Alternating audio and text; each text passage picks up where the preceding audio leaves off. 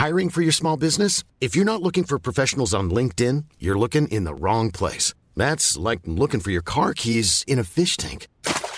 LinkedIn helps you hire professionals you can't find anywhere else, even those who aren't actively searching for a new job but might be open to the perfect role. In a given month, over 70% of LinkedIn users don't even visit other leading job sites. So start looking in the right place. With LinkedIn, you can hire professionals like a professional. Post your free job on linkedin.com slash people today. Hey, it's Ryan Reynolds, and I'm here with Keith, co-star of my upcoming film, If, only in theaters May 17th. Do you want to tell people the big news? All right, I'll do it. Sign up now and you'll get unlimited for $15 a month in six months of Paramount Plus Essential Plan on us. Mintmobile.com slash switch. Upfront payment of $45 equivalent to $15 per month. Unlimited over 40 gigabytes per month. Face lower speeds. Videos at 480p. Active Mint customers by 531.24 get six months of Paramount Plus Essential Plan. Auto renews after six months. Offer ends May 31st, 2024. Separate Paramount Plus registration required. Terms and conditions apply if rated PG. Millions of people have lost weight with personalized plans from Noom. Like Evan, who can't stand salads and still lost 50 pounds. Salads, generally, for most people, are the easy button, right? For me, that wasn't an option. I never really was a salad guy. That's just not who I am. But Noom worked for me. Get your personalized plan today at Noom.com. Real Noom user compensated to provide their story. In four weeks, the typical Noom user can expect to lose one to two pounds per week. Individual results may vary.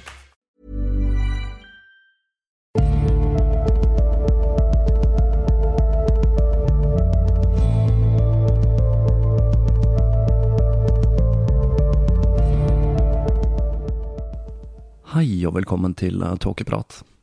Jeg heter Even, og når jeg tar opp denne episode 113, så er det mandag den 23. september 2019. Dette skulle av en eller annen grunn vise seg å være en vanskelig episode å få i boks. Jeg startet å ta den opp i går morges, men av en eller annen grunn så ville ikke episoden feste seg skikkelig.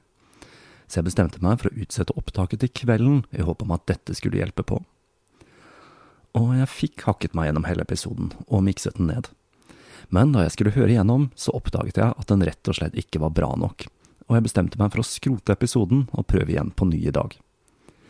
Det skjer fra tid til annen at det er noen episoder som er litt mer utfordrende å ta opp enn andre, men jeg har stort sett alltid klart å bli ferdig, selv når det har vært litt lugging i prosessen.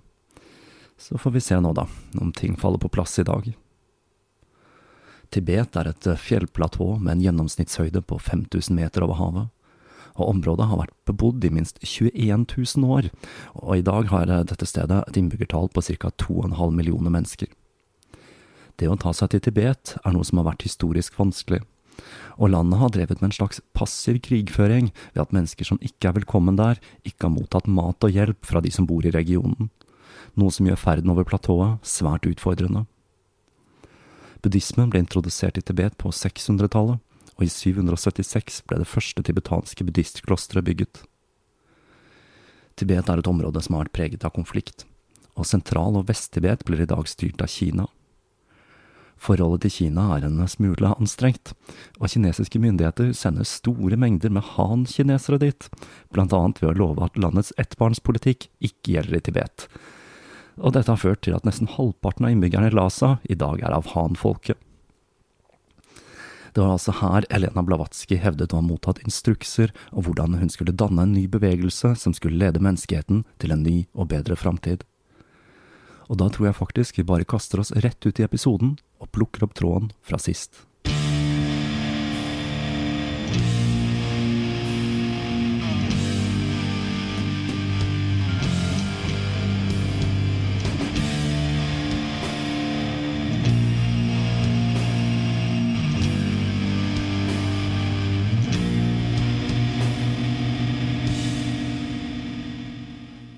Sommeren 1873 kom Helena tilbake til New York, og hennes søster bemerket at selv om hun hadde vært på reisefot i alle disse årene, så virket det som om hun visste at det var her hun skulle gjøre sitt livs arbeid. Og som en båt som drev på havet, så kastet hun sitt anker i USA. Og allerede i september samme år så begynte hun på prosessen med å tilegne seg et amerikansk statsborgerskap. Hun sa at idealer og tro var noe som hadde svunnet hen stort sett alle plasser på grunn av pseudovitenskap, at den nye tiden krevde et vitenskapelig reisverk for å bevise sjelens udødelighet, og at de gamle esoteriske vitenskapene var noe som kunne gi menneskene nettopp dette. Saudovitenskap og begreper som saudoarkeologi er for øvrig uttrykk jeg kan styre min begeistring for. Jo da, begrepene har sin bruk, men de har også en tendens til å bli brukt som en slags hersketeknikk for å latterliggjøre alternative ideer og hypoteser. New York på 1870-tallet var ganske langt fra den verdensmetropolen byen er i dag, og helt fri for skyskrapere. Byen var trafikkert av hest og kjerre, og det var ingen broer over East River og Hudson-elva. Om du trengte skyss fra den ene siden til den andre, så var du nødt til å bruke ferge. Forholdene for kvinner var heller ikke helt hva de er i dag. Det var ingen kvinnelige forretningsdrivende, og de få damene som jobbet, befant seg i lavtlønnsyrker, som for eksempel som lærerinner eller sydamer men det var noen få som begynte å kreve, om ikke likestilling, i det minste rettigheter for kvinner. For historien om Helena Blavatsky er, eh, uansett hva man måtte mene om henne, også en historie om en dame som slo seg opp og fram i et svært mannsdominert samfunn. Som dere kanskje husker fra serien om Crowley, så var en av disse damene hans, som han kalte for Kamelen fordi hun hjalp han ut av den ørkenen som var livsfasen han var inne i, en del av suffragettebevegelsen. Og vi finner jo også sterke feministiske føringer fra personer som Doreen Valiente og bautaer som Dion Fortune og Margaret Murray. Så det er en slags underlig feministisk rød tråd som går gjennom den europeiske okkulte historien. Det at kvinner hadde denne lave sosiale statusen, gjorde at det var svært vanskelig for en dame som reiste alene, å finne seg et sted å bo. Enslige kvinner ble sett på med mistenksomhet, og de fikk ikke bo på fine hoteller, selv ikke en grevinne, som Helena var. Dette gjorde at et førtitalls damer hadde gått sammen og leid et hus i 222 Madison Street, for å forsøke å starte et slags eksperimentelt kvinnekollektiv. Og et rom i andre etasje var det første stedet Blavatsky bodde i New York. Av de andre leieboerne ble Blavatsky beskrevet som en med en magnetisk personlighet som tiltrakk seg alle menneskene rundt. Ikke bare var personligheten stor, men Helena hadde hva som ble beskrevet som en bred figur hun var omfangsrik, med andre ord, og hun gjorde et massivt inntrykk på alle hun møtte. Egenskapene, egenskapen hun hadde hatt når hun var liten, nemlig å si rett ut hva hun mente, var en som ikke var blitt svakere med årene, og hun talte ofte de svake og undertrykkedes sak. En artig detalj er at Helena Blavatsky var en storrøyker, og hun røyket konstant på sin rullings. I denne perioden skulle Helena få økonomiske problemer, fordi pengene hun regelmessig hadde fått fra faren, hadde stoppet å komme. For å finne ut hva som hadde skjedd, så tok hun kontakt med det russiske konsulatet, som til flere av hennes nye bekjentskapers store forbløffelse faktisk kunne bekrefte at Helena var en vaskeekte russisk grevinne. Etter hvert skulle det vise seg at pengene hadde sluttet å tikke inn fordi faren var død og av byråkrati rundt administrasjonen av eiendommen hans, så skulle pengene utebli fram til hun hadde flyttet fra dette kollektivet i Madison Street. Et kollektiv og et eksperiment som kun skulle vare noen få måneder. Det aller første området Helena skulle utmerke seg innen, var innen den store farsotten spiritisme og mediumer. Selv fortalte hun at denne interessen ikke kom av en fascinasjon for løgnaktige mediumer som var instrumenter for lavt utviklede ånder på det nederste planet. Hun fortalte nemlig at hennes interesse for dette fenomenet stammet fra en lang okkult tradisjon og søken etter et system som kunne demonstrere de dypeste dyp av den guddommelige natur, og vise de virkelige båndene som binder alle ting sammen. Den moderne spiritismebølgen ble sparket i gang i 1848 av et fenomen som er kjent som The Rochester Knockings, som var en serie med manifestasjoner som oppsto rundt Fox-søstrene som bodde i Hydeville, New York, ikke langt fra Rochester. Sir Arthur Conan Doyle, forfatteren av Sherlock Holmes og en person som var svært opptatt av spiritisme og overnaturlige fenomener, og som også var et medlem av Frimurerlosjen en periode, beskrev det hele som enten var denne kraften smittsom, eller så steg den ned som en psykisk sky ovenifra som viste seg for de menneskene som var mottagelige. Og det var ikke bare enkle mennesker som lot seg fascinere av dette fenomenet. Selv fremtredende forskere lot seg også overbevise om at fenomenet var ekte, og det spredde seg ikke bare i USA, men også i England, Frankrike og Russland, noe vi har sett litt på i Rasputin-serien. Og mens Helena var på sine reiser, så hadde både hennes søster og tante deltatt i seanser. Bølgen nådde selv Det hvite hus, og Abraham Lincoln lot til og med en journalist være til stede ved en av disse tilstelningene, som var sterkt inspirert av hans kones fascinasjon for fenomenet. Helena var svært begeistret for de vitenskapelige undersøkelsene av spiritisme, og mente at dette var veien å gå for å få en dypere forståelse og aksept for det som skjedde. Blant annet så mente hun at levitasjon var et ganske streit fenomen å forklare. At dette skyldtes reversjon av polariteten til et objekt eller en person, slik at man ikke ble tiltrukket av jordens magnetiske senter, som er det som ifølge Helena skaper illusjonen av vekt. Og her må jeg bare bemerke at i, i noen av disse flat jord-teoriene så forklarer man gravitasjon nettopp med magnetisme. Og så var tiden inne for å introdusere en annen bauta i historien til den teosofiske bevegelsen, Henry Steele Olcott. Olcott var 41 år gammel når han først møtte Blavatsky, og han var en mann med en svært bred erfaring. Han hadde blitt født i en puritansk familie i Orange, New Jersey, og hadde gått på college i New York ett år før han jobbet et par år på en gård i Ohio. Etter dette så dro han tilbake til New York, hvor han studerte jordbruk. Tidlig i 20-årene fikk han internasjonal anerkjennelse for tilretteleggingen av en gård i New York, New Jersey. Og greske myndigheter tilbød han en stilling ved universitetet i Aten, og De forente stater en stilling som landbruksminister. Men han foretrakk å være uavhengig, og han begynte å jobbe som jordbruksredaktør for New York Tribune. Han tjenestegjorde under borgerkrigen, og ble etter hvert utnevnt til en spesialetterforsker som undersøkte underslag og korrupsjon i militæret. Senere skulle han få en tilsvarende jobb i marinen, og når Lincoln ble skutt, så ble han utnevnt som en av tre etterforskere som etterforsket drapet på presidenten. Etter krigen så studerte han juss i tre år, han skulle senere bli en spesialist på toll- og forsikringssaker, noe som gjorde at han fikk et svært eksklusivt klientell, og noe som hadde ført til at Olcott hadde gått med penger. Interessen hans for spiritisme var en som var blitt tent av tre onkler som hadde vært svært opptatt av fenomenet på den tiden han jobbet som en bonde i Ohio. Og i juli 1874 leste han en artikkel om Eddie-spøkelsene i tettstedet Chittenden i Vermont, hvor to brødre, William Horatio og Eddie, ble sagt å kunne manifestere skikkelser fra det hinsidige. Olcott bestemte seg for å reise dit for å se på fenomenet med egne øyne og etter kun noen få dager der hadde han bestemt seg for at dette var ekte saker. Han dro tilbake til New York, hvor han tok kontakt med The Daily Graphic og inngikk en avtale med dem om å skrive en serie med artikler som skulle illustreres av en tegner. Disse brødrene hadde en lang historie med mediumer i familien, og en bestemor fire generasjoner tilbake ble dømt som en heks under hekseprosessen i Salem. Det som er litt stilig, er at disse brødrene ikke tok seg betalt for seansene, men de tok seg kun betalt for overnatting og mat. Litt sånn som Snåsamannen, altså. Olcotts artikler ble så voldsomt populære at prisen på The Graphic ble skrudd opp, og en av de som leste hva Olcott hadde skrevet, det var Helena. Hun bestemte seg for å dra til Eddie-brødrene, og hun dro dit i oktober med en fransk dame og ble der i to uker. Det var en vakker solskinnsdag, og selv den gamle, dystre gården virket munter. Gjestene satt og spiste middag, og Olcott så Helena sitte ved bordet når han gikk inn i stuen. Etter middag gikk Helena og hennes venn utendørs, og Helena rullet seg en sigarett. Olcott tilbød henne fyr, og de to begynte å snakke sammen på fransk. Han fant ut at denne damen hadde reist svært mye, og at hun hadde en dyp innsikt i det okkulte. Og hun snakket om den materialistiske tendensen i amerikansk spiritisme som hun mente manglet en filosofisk dybde.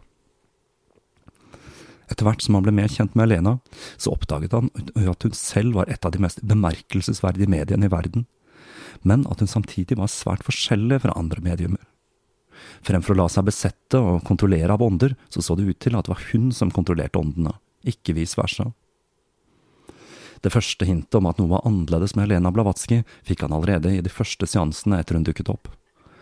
Frem til da så hadde skikkelsene som manifesterte seg, vært indianere, amerikanere eller europeere, men når Helena var til stede, så begynte langt mer eksotiske karakterer å tre frem. Som en gutt fra Kaukasus, en kurder med sverd og Blavatskys egen onkel. Senere skulle hun fortelle Olcott at dette var manifestasjoner hun hadde fremkalt med sin egen kraft. Mens de var der hos Eddie-brødrene, fortalte Helena Olcott at ekte åndemanifestasjoner var en projeksjon av mediumet selv, og at figuren tok formen som ble prosjektert fra underbevisstheten til de som var til stede i seansen. Helena ble selv overbevist om at Eddie-brødrene var ekte vare, og hun skulle til og med forsvare dem når de kom i hardt vær i pressen. Helena mente altså at ekte medier prosjekterer seg selv, og ikke kalte til seg åndene til de døde.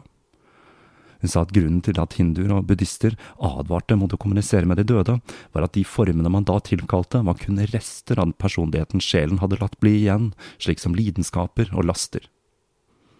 Et annet argument brukt av teosofene om hvorfor det å påkalle de døde ikke er en god idé, er at dersom de døde skulle kommunisert med de levende, så ble det gjort livet i det hinsidige til et helvete og ikke et himmelrike. De mente at sjelen trengte ro og spirituell vekst i perioden mellom livene, og at karma ville forene personer som hører sammen igjen i et senere liv.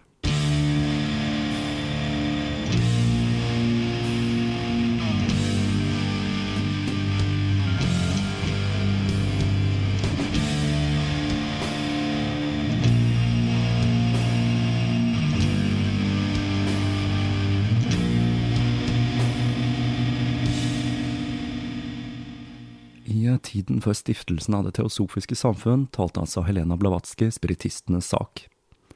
Noe som er litt underlig med tanke på hva hun egentlig mente om saken. Men det kan jo tenkes at hun så at det var et potensial for å få mennesker som var interessert i fenomenet, til å bli interessert i hennes reformerte tolkning av hva som skjedde.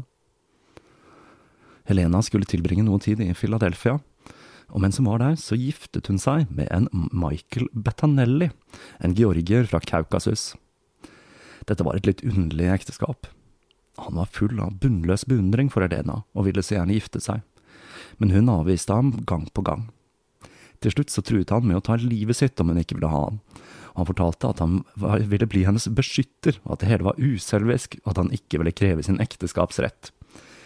Så til slutt så gikk hun motvillig med på et ekteskap. Men det viste seg raskt at han ikke klarte å holde løftene sine, og etter kun noen få måneder så forlot Helena han. Han søkte om skilsmisse og fikk denne innvilget. Betanelli skulle senere gå konkurs og dra tilbake til Georgia. Og med det så forlater han også historien vår. Ikke lenge etter Olcott og Blavatsky kom tilbake til New York sommeren 1875, så skulle de møte en annen av det teosofiske samfunns grunnleggere, den irskfødte William Q. Judge. Han hadde lest en av seriene til Olcott om Eddie-fenomenet, og skrev til forfatteren hvorpå han ble invitert hjem til Blavatsky i 46 Irving Place.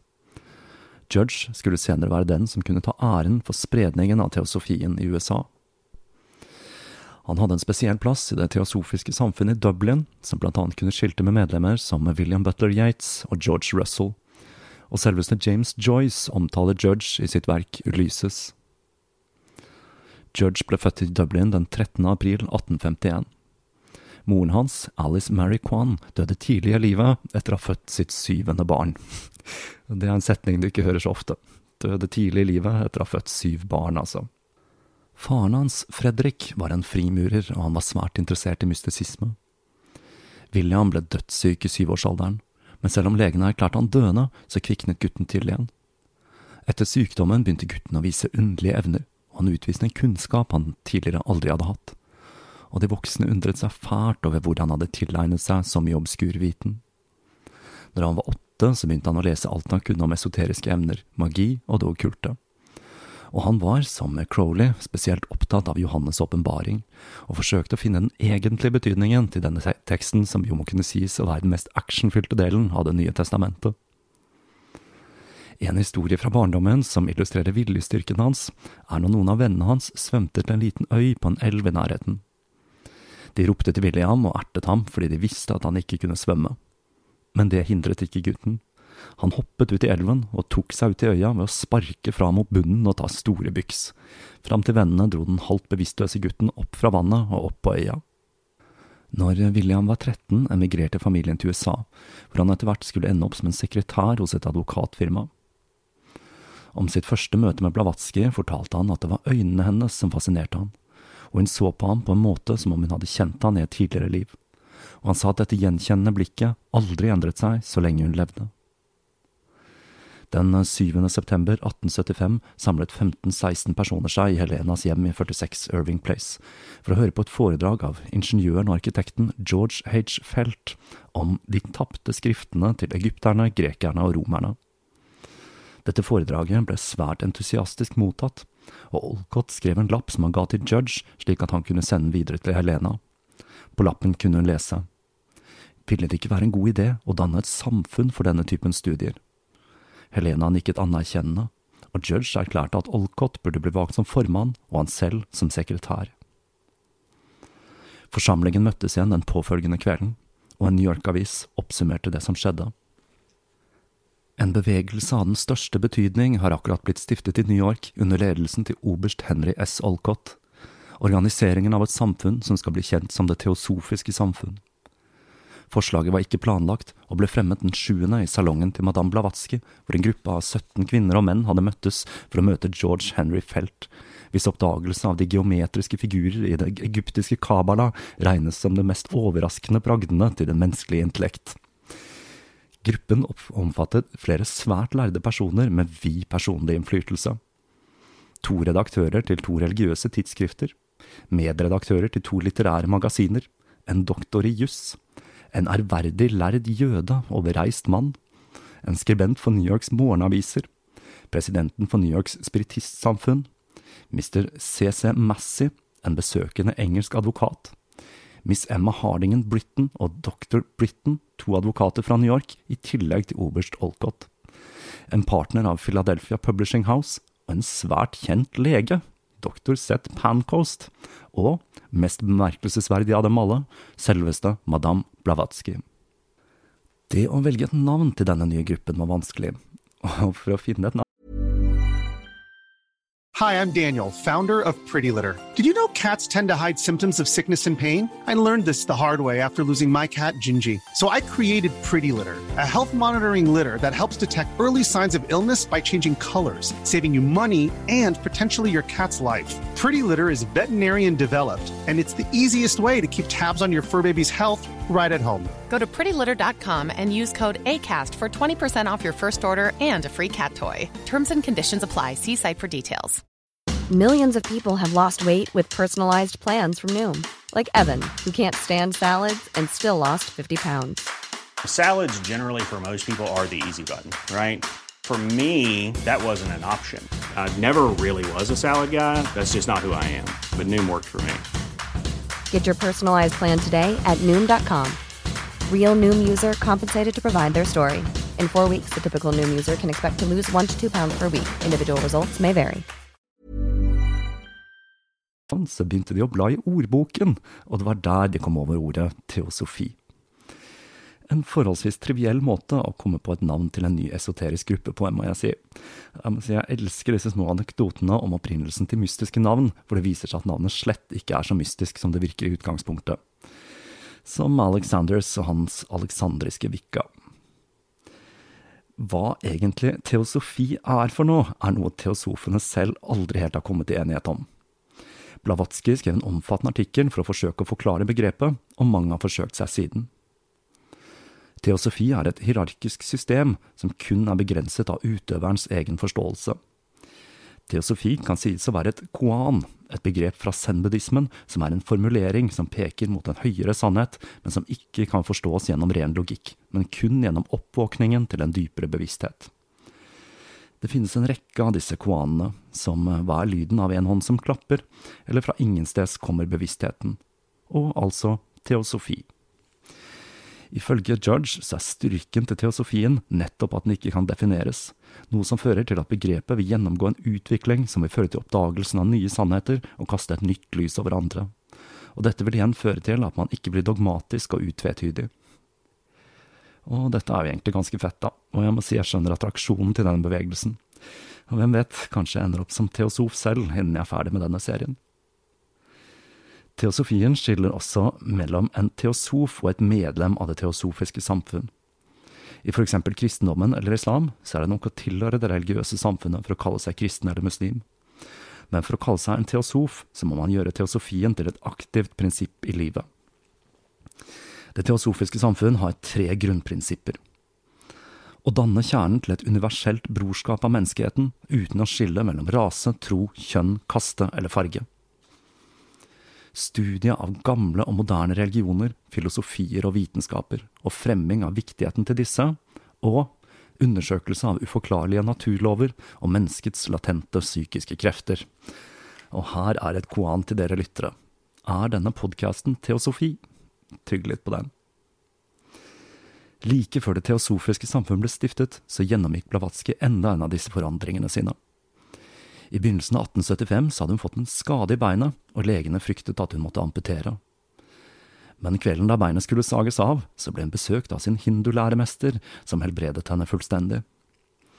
Hun fortalte at hun opplevde en fullstendig besettelse av denne læremesteren, og til tross for at hun var sitt eget ego bevisst, så så hun verden dualistisk, og begynte å huske språk og kunnskap hun selv aldri hadde lært. Hun fortalte også at det ikke var hun selv som skrev og snakket, men noe inni henne, hennes høyere og opplyste selv. Familien ble ikke superbegeistret for Helenas påstander om at hun var i direkte kontakt med hva hennes søster Vera omtalte som en slags trollmann, en halvmystisk hindu fra Ganges bredder.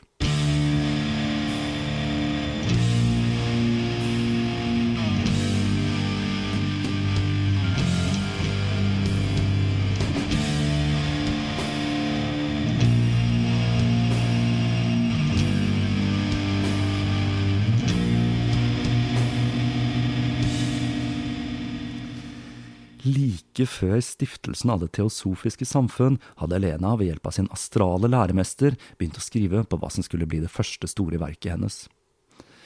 Det hadde startet med kun noen sider læremesteren hadde befalt henne å knote ned, og hun var usikker på hva dette skulle bli for noe.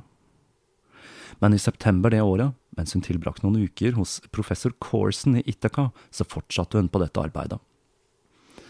Denne Corson hadde blitt interessert i spiritisme siden hans 16 år gamle datter plutselig hadde falt fra, og han hadde invitert Helena til hjemmet sitt i håp om at hun kunne sette han i kontakt med sin avdøde datter.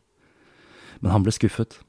Damen han omtalte som smart, men en som manglet normal dannelse, og han valgte å kalle for en russisk bjørn, nektet ikke bare å ta kontakt med hans avdøde datter, men hun viste seg å være en sterk motstander av denne typen spiritisme.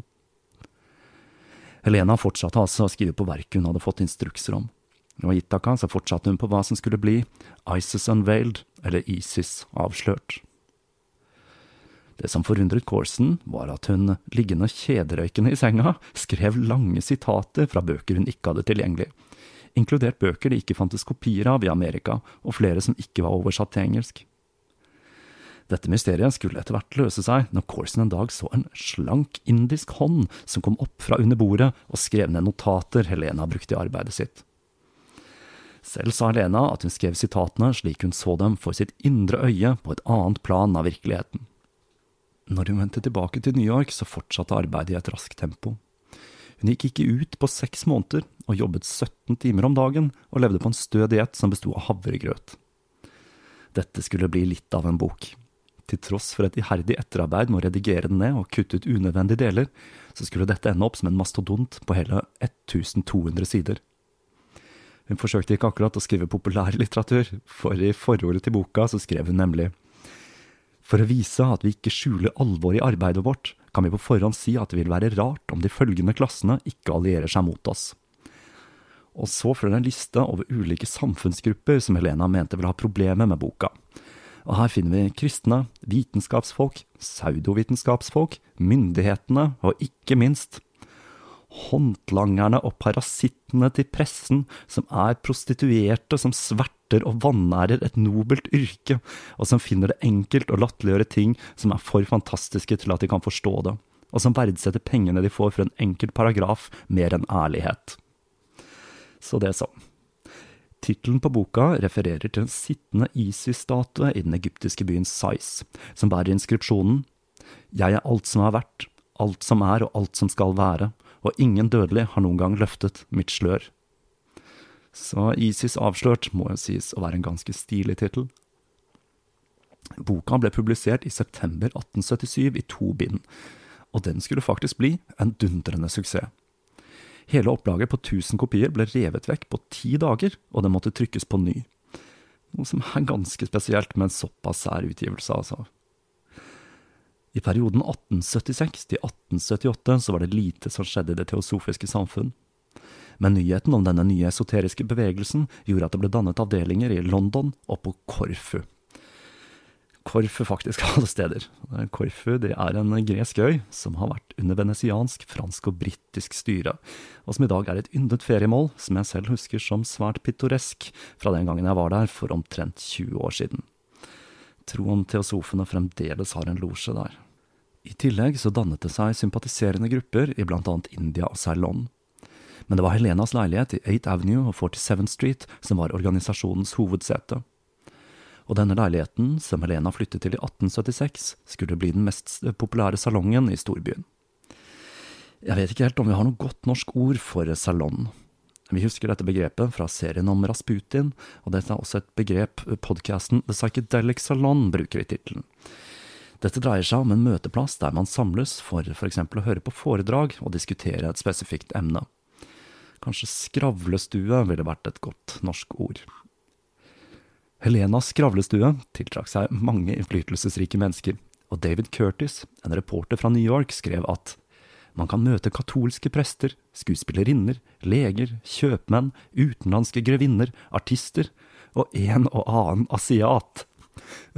og han bemerket at alle var hedninger, og alle var intellektuelt briljante. Olcott fortalte at Helena også hadde blitt oppsøkt av rabbinere som kom for å diskutere Han hadde hørt at en av disse hadde fortalt at til tross for at han hadde studert emnet i 30 år, så fortalte Helena en ting han aldri hadde turt å drømme om. Hun kastet nytt lys over tekster selv de fremste læremesterne hadde store problemer med å tolke. En av de besøkende bemerket de enorme bunkene med brev Helena hadde fått tilsendt på en rekke ulike språk og fra mange land, og han spurte, Si meg, hvilket språk tenker du på? Og Helena svarte, På mitt eget språk, et som verken er russisk, fransk eller noe annet du kjenner til. Olcott bodde i samme bygning som Alena, og det gjorde også hans søster, som bodde med mannen og barna i etasjen over. Bygningen står der en dag i dag, om noen av dere skulle befinne dere i New York og få lyst til å ta en titt på bygningen som huset en av den okkulte historiens mest betydningsfulle kvinner. Helena hadde helt sluttet med å vise fram fenomenene hun kunne manifestere til andre enn den innerste sirkelen i det teosofiske samfunn og Olcott delte disse manifestasjonene i syv ulike kategorier. 1. De som krever kjennskap til den ultimate egenskapen til materie, til kraften som binder atomene, spesielt en kjennskap til akasha, dens komposisjon, innhold og potensial.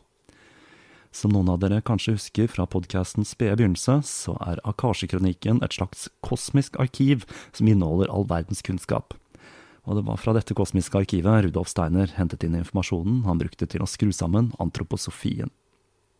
2. De som relaterer seg til elementærkrefter, usynlige naturkrefter, og får de til å underkaste seg menneskelig vilje. 3. De som var hypnotiske, og som manifesterte seg som syner, lukter og berøring. 4. Automatskrift og automattegninger. 5. Tankelesning og clairvoyance. 6 utveksling av vilje mellom hennes sinn og andre psykisk mottakelige. 7. Spirituell innsikt fra en høyere bevissthet, eller lesing av Akasje-kronikken, om du vil. Judge skulle ha sett noen av disse fenomenene i action, hvor det ting som sølvskjeer og malingsspann fløy gjennom luften og rett gjennom veggen i leiligheten. Men han sa at til tross for at dette var ganske så imponerende, så var det mest fantastiske av alt de mange samtalene som foregikk i salongen. Og så var det Olcott sin tur til å få besøk av de mystiske læremesterne. En kveld etter han hadde sagt god natt til Helena og trukket seg tilbake til værelset sitt for å lese, så skjedde det noe merkelig. Han skriver. Jeg satt stille og leste med alt mitt fokus i boken framfor meg. Plutselig, mens jeg satt og leste med skulderen vendt bort fra døren, kom det et glimt av noe hvitt i min høyre øyekrok. Jeg snudde hodet og mistet boken i forbløffelse. Over meg tårnet den store skikkelsen til en orientaler kledd i hvitt, og med et hodetørkle eller turban i et oransjestripet stoff, håndbrodert i gul silke. Ravnsvart hår hang fra turbanen og til skuldrene.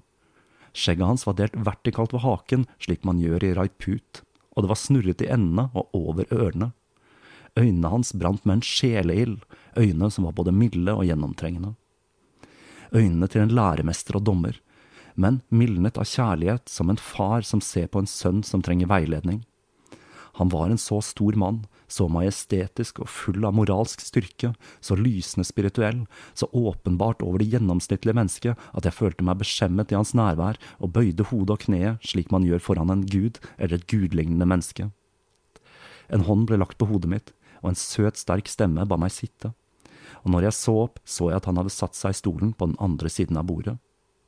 Han fortalte at han hadde kommet fordi jeg var i en krise og jeg trengte ham, og at det var mine handlinger som hadde ført ham hit. At det var opp til meg om han og jeg skulle arbeide sammen for å forbedre menneskeheten, og at et stort arbeid måtte gjøres for den, og jeg kunne ta del i det om jeg ønsket. Han fortalte Olcott ting om Helena Blavatsky og seg selv, før han bød Olcott farvel og forsvant. Denne hendelsen var hva som skulle få Olcott til å reise til India med Helena Blavatsky, og hvilken betydning dette skulle få, og hva som skjedde der, er noe vi skal se nærmere på i neste episode.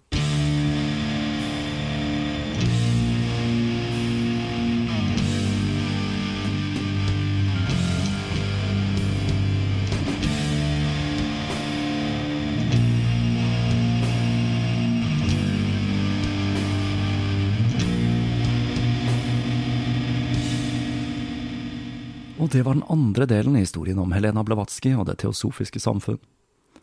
Og jeg må jo si at jo dypere jeg setter meg inn i emnet, jo stiligere virker det.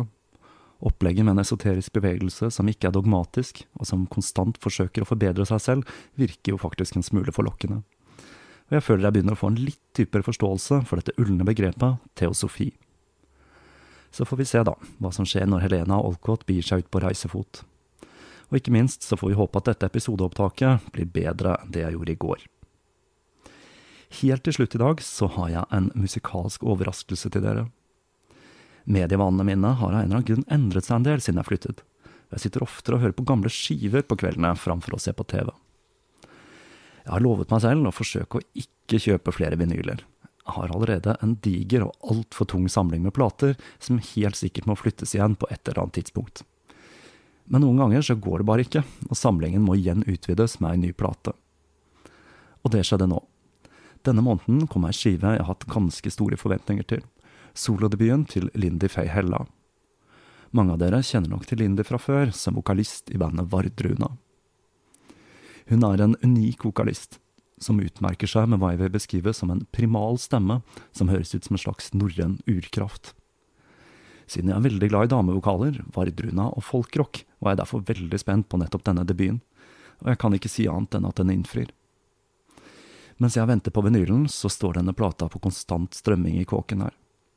Lindy har gitt oss ei skive som jeg vil være så dristig å si at er et unikt bidrag til norsk musikk- og sanghistorie.